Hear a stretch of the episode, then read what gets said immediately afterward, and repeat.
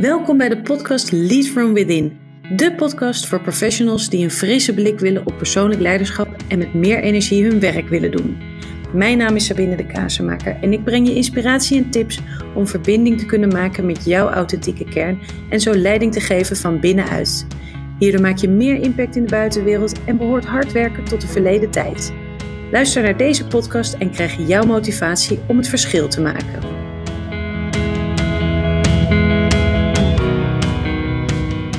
Welkom bij weer een nieuwe aflevering van de Lead From Within podcast. En als je de vorige al geluisterd hebt, dan weet je het onderwerp van deze aflevering al, want ik, uh, ik kondigde het daarin al aan.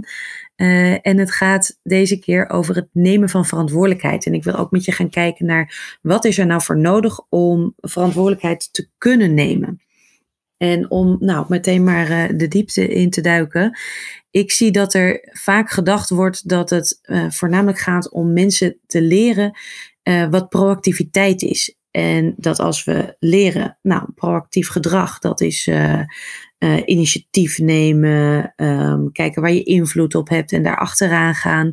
en als we dat dan geleerd hebben, nou, dan is het geregeld. En begrijp me niet verkeerd, dat is ook belangrijk om, om dat te snappen uh, en goed te kijken. En er wordt vaak gerefereerd aan de cirkel van invloed van Stephen Covey.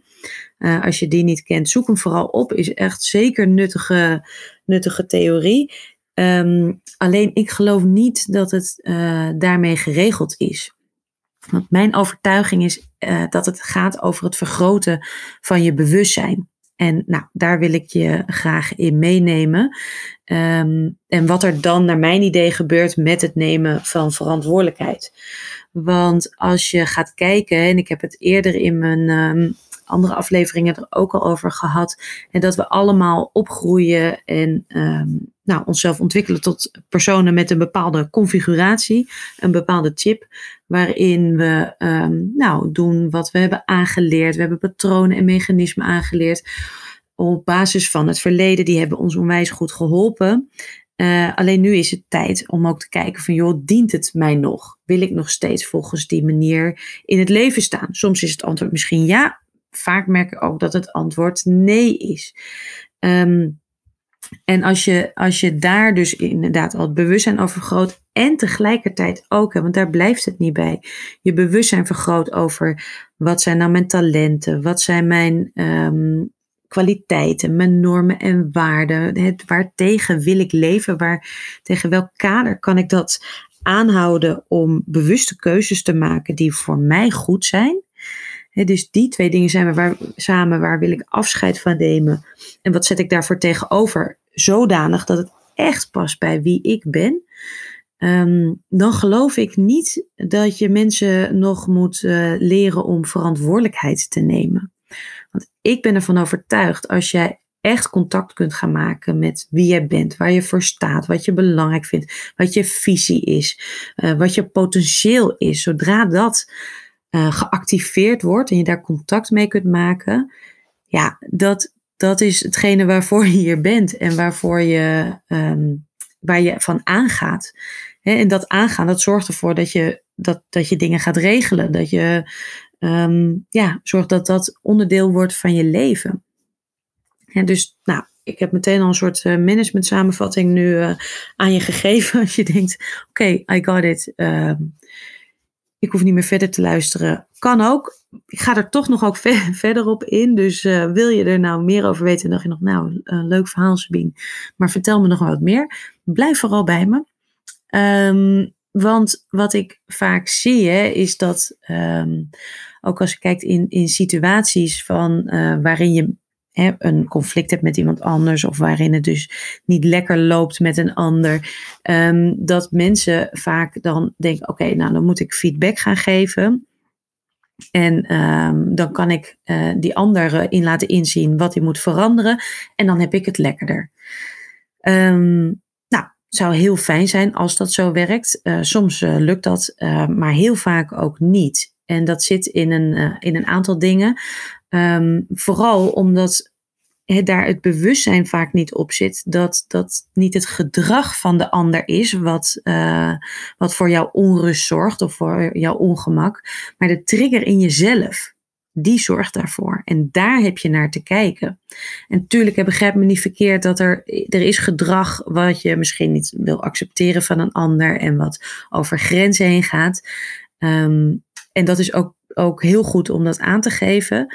De manier waarop jou dat raakt, dat kan die ander niet veroorzaken. Dus het nemen van verantwoordelijkheid gaat in mijn ogen erover dat je uh, inziet dat jij verantwoordelijk bent voor uh, wat er op dat moment um, gaande is in jou. En niet de situatie, niet de ander, niet de omstandigheden. En het ego vindt het heel fijn om daar naar te wijzen, om er niet zelf mee, uh, mee aan de slag te hoeven. Want het is fijn als een ander dat oplost. Alleen dat zal nooit echt tot een bevredigend resultaat ja, een bevredigend resultaat opleveren, omdat diegene niet aan de slag kan met datgene wat er in jou gaande is. En dat kan pijnlijk zijn of juist emoties vergroten. Um, alleen daar zit wel het werk wat je te doen hebt. En, en um, nou, vanuit een uh, andere positie, en noemen we vaak wat tegenover die verantwoordelijke staat, is die slachtofferpositie. En die gaat juist die situatie of de omstandigheden of de ander verantwoordelijk uh, maken. Die gaat daarover misschien wel oordelen, roddelen, met andere mensen het erover hebben om te voelen, oké, zie je wel, ik ben niet de enige die gek is. Zij vinden het ook. Die gaat wijzen, die wil gelijk hebben of die gaat de ander proberen te overtuigen van, van, um, van zijn verhaal. Alleen daarmee wordt het probleem nooit echt opgelost. Het lucht misschien even op dat je dat eruit kan gooien.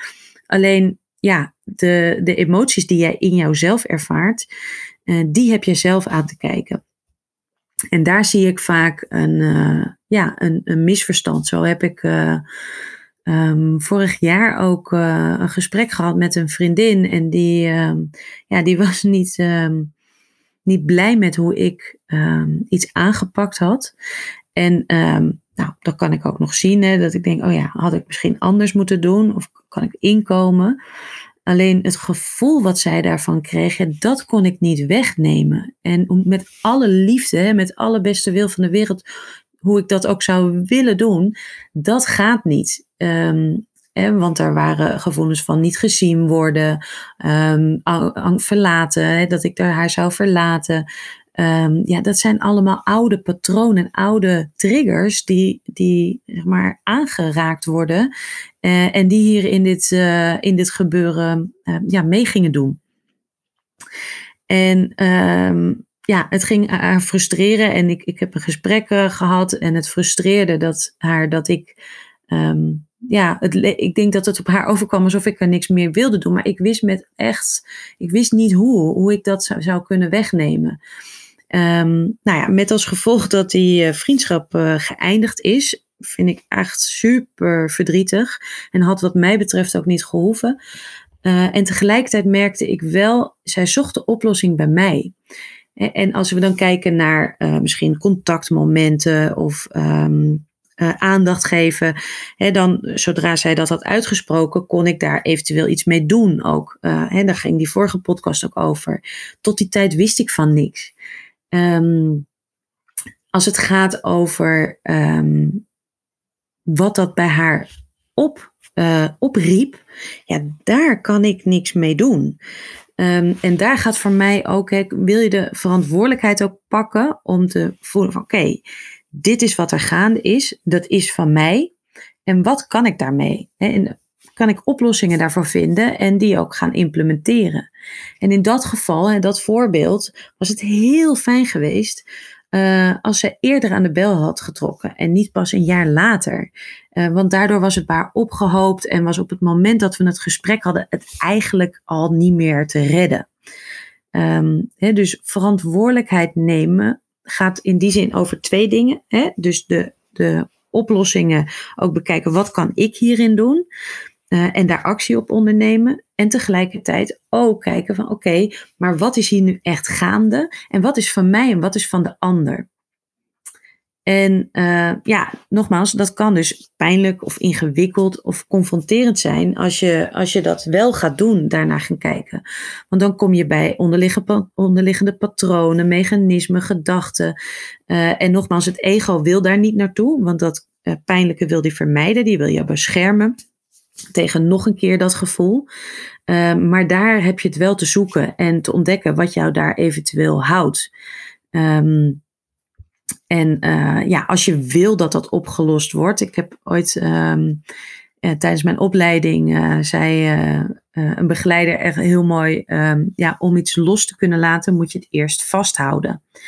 En vaak denken we bij vervelende, negatieve emoties vooral bij boosheid en verdriet. Van ja, nee, doe maar niet. Uh, ik doe gewoon alsof het er niet is. Of ik mag heel eventjes uh, erin zitten, maar dan moet het wel weer weg zijn.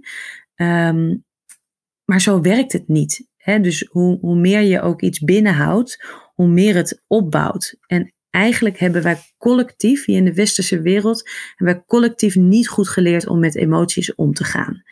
Uh, ja, opmerkingen als jongetjes moeten niet huilen, kop op en meid, zet hem op, um, word, je, word je sterk van. dat soort opmerkingen, misschien zijn ze wel herkenbaar, misschien nog wel andere. Um, nou, weet je, verman je, dat soort, dat soort opmerkingen, die helpen er allemaal niet aan bij dat we leren om, uh, dat die emoties er ook gewoon bij horen en ons mens maken. En dat het juist goed is om dat eruit te laten. Tuurlijk op een, uh, op een manier waarop, waarmee je anderen niet uh, nog meer pijn doet, hè, of dat op anderen gaat botvieren. Um, maar dat is vaak wat we denken, bijvoorbeeld bij boosheid. Als ik nu het eruit gooi, dan ontploft het en dan wordt het een soort extreme, um, extreme situatie. Uh, meestal gebeurt dat niet zo. Um, juist als je er langer mee wacht, is dat de versie die erop kom, uitkomt. Want dan is het heel erg opgehoopt. En dan kan soms een klein iets al zorgen voor een explosie. En dat de ander denkt, nou, hm, wat gebeurt hier nou? En natuurlijk, ook hierin weer, het is soms goed om even te wachten, een nachtje erover te slapen voordat je een reactie, uh, een reactie geeft. Uh, omdat er soms de emotie wel te hoog zit. Maar uh, ja, vaak hebben we gewoon niet goed geleerd hoe we dat nou op een, op een prettige manier doen. En om ook gewoon uh, ja, tranen er te mogen laten zijn. Hè? Hoe vaak wordt al niet meteen een zakdoekje aangeboden met de beste bedoelingen van de wereld. Hè? Maar ja, die tranen hoeven in principe niet weg. Die mogen eruit. En um, Natuurlijk, als iemand helemaal niks meer ziet en uh, voor de vrouwen de mascara zit helemaal in je ogen, dat is niet fijn. Hè, maar dat, dat iemand huilt, ja, er, er moet iets uit. Dus vaak is het ons ongemak om daarmee te zijn en er gewoon bij te zijn, waardoor een, een zakdoekje gaan geven of vanuit zorg. Um, maar hoe fijn is het als je gewoon kan huilen en iemand is er naast je, is er aanwezig um, en het mag er zijn dat het niet bedekt hoeft, uh, hoeft te worden. Um, nou, en zo zijn dus allemaal dingen die we hebben aangeleerd om maar niet die emoties echt, uh, echt aan, de, ja, aan de oppervlakte te laten zijn. En ze zijn er. Hè, want vaak denken we ook van, nou ja, dat we een keuze hebben om welke emoties we wel en welke we niet er te willen laten zijn. Dus blijheid en plezier en geluk. Um, nou, dat is allemaal fijn. Liefde, ja, doe maar, lekker. Maar uh, schaamte, boosheid, frustratie, uh, verdriet. Nou, dat is uh, wat ingewikkelder en doe, doe die maar niet. En heel, helemaal niet op het werk. He, zo um, sprak ik laatst een manager en zij was boos op haar collega. Um, want hij had namelijk iets gedaan wat zij niet acceptabel vond. En ja, rationeel gezien wist ze, oké, het is oké om boos te zijn. Uh, en ze antwoordde ook bevestigend toen ik haar vroeg of ze boos mocht zijn van zichzelf. Ja, ja, ja, mag. He, maar onbewust, en, en daar hebben we het later over gehad, gaf ze zich allemaal signalen dat het niet oké was om boos te zijn. En ze sprak dingen uit als van ja, maar nu is het toch wel genoeg en ik kan toch ook niet eeuwig boos zijn en wat heb ik er nou aan om boos te zijn? Uh, of als ik mijn boosheid uit, dan begrijpt hij me toch niet. Dus het was, ik hou het, uh, hou het voor me en uh, nou, nu is het toch wel klaar. Um, want zodra we er dieper op ingingen, op die boosheid, kwamen snel de woorden van, nou, maar goed. En dan ging ze weer door op een ander onderwerp. Hè, om dus om daar echt bij te blijven en jezelf toe te staan dat je boos mag zijn. Of verdrietig, of wat het dan ook voor jou is in welke situatie, dat vinden we vaak heel lastig. En dat heb, heb, hebben ik ook niet. En heel veel mensen met mij ehm, en jou niet goed geleerd. Weg willen van de pijn, weg van het verdriet of van de boosheid. Ehm, en wat we onbewust uh, doen, is het wel bij de ander neerleggen. Want als die niet zo vervelend zou doen, dan voelde ik me nu niet zo verdrietig. En uh, nou ja, nogmaals, er is gedrag wat niet acceptabel is. Alleen de uitwerking op jou is dus iets wat jij aan te kijken hebt. Um, nou, en daarom pleit ik voor het vergroten van het bewustzijn over jouw patroon en mechanismen ook. Dus wat is het wat jij aangeleerd hebt om, um, om hoe je met emoties uh, om kon gaan? Um, laatst sprak ik ook weer iemand in een, in een coachgesprek. Het was ook gewoon niet lullen, maar poetsen. Er werd zelfs, uh, was een uh, boerenbedrijf, uh, kwam die vandaan. En ja, die zei, ik weet, volgens mij was het niet letterlijk gebeurd, maar die gaf meer als voorbeeld. Nou, zelfs als je met een gebroken arm, dan kon je toch nog wel doorwerken op het land, want je had nog één arm over. Dus zo, um, zo ja, was die aangeleerd om, om maar door te gaan. Um, terwijl er zijn soms gewoon ook signalen van je lichaam. Daar heb ik het ook eerder uh, over gehad. Dat die aangeven, ja, nu kan het niet meer. Hè? Wat nu tot hier en niet verder.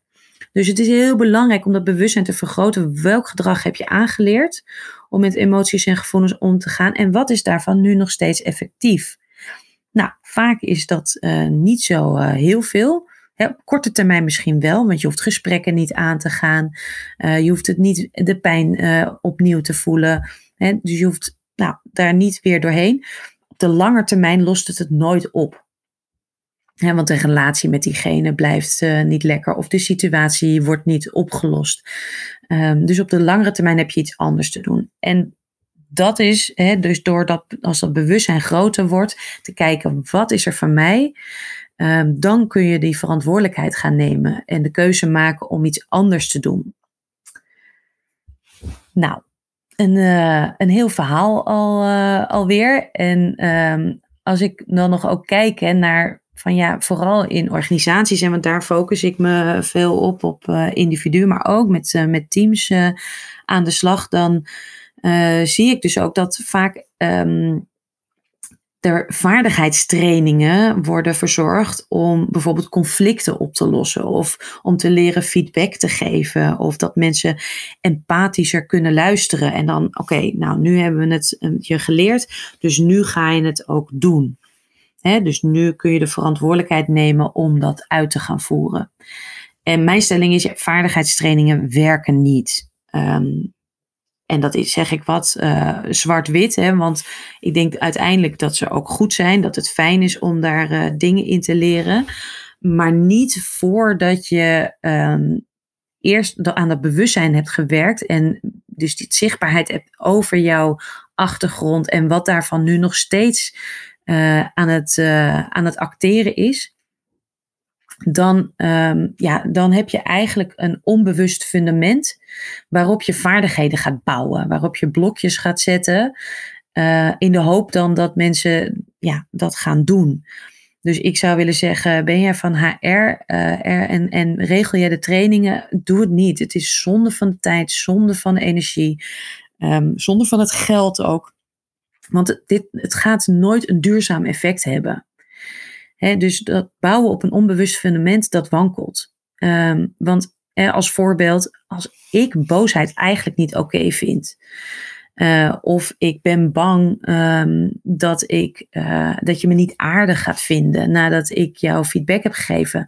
Ja, dan ga ik jou nooit de echte feedback geven die nodig is voor die situatie. En de kans is dan gewoon veel groter dat ik eromheen ga draaien en wat mooie woorden toevoegen om het te, te verzachten en die boodschap niet te zwaar over te laten komen. Um, dat gaat niet werken. dus ik geloof echt dat een ieder voor zich eerst inzicht moet krijgen in wat draag ik bij me.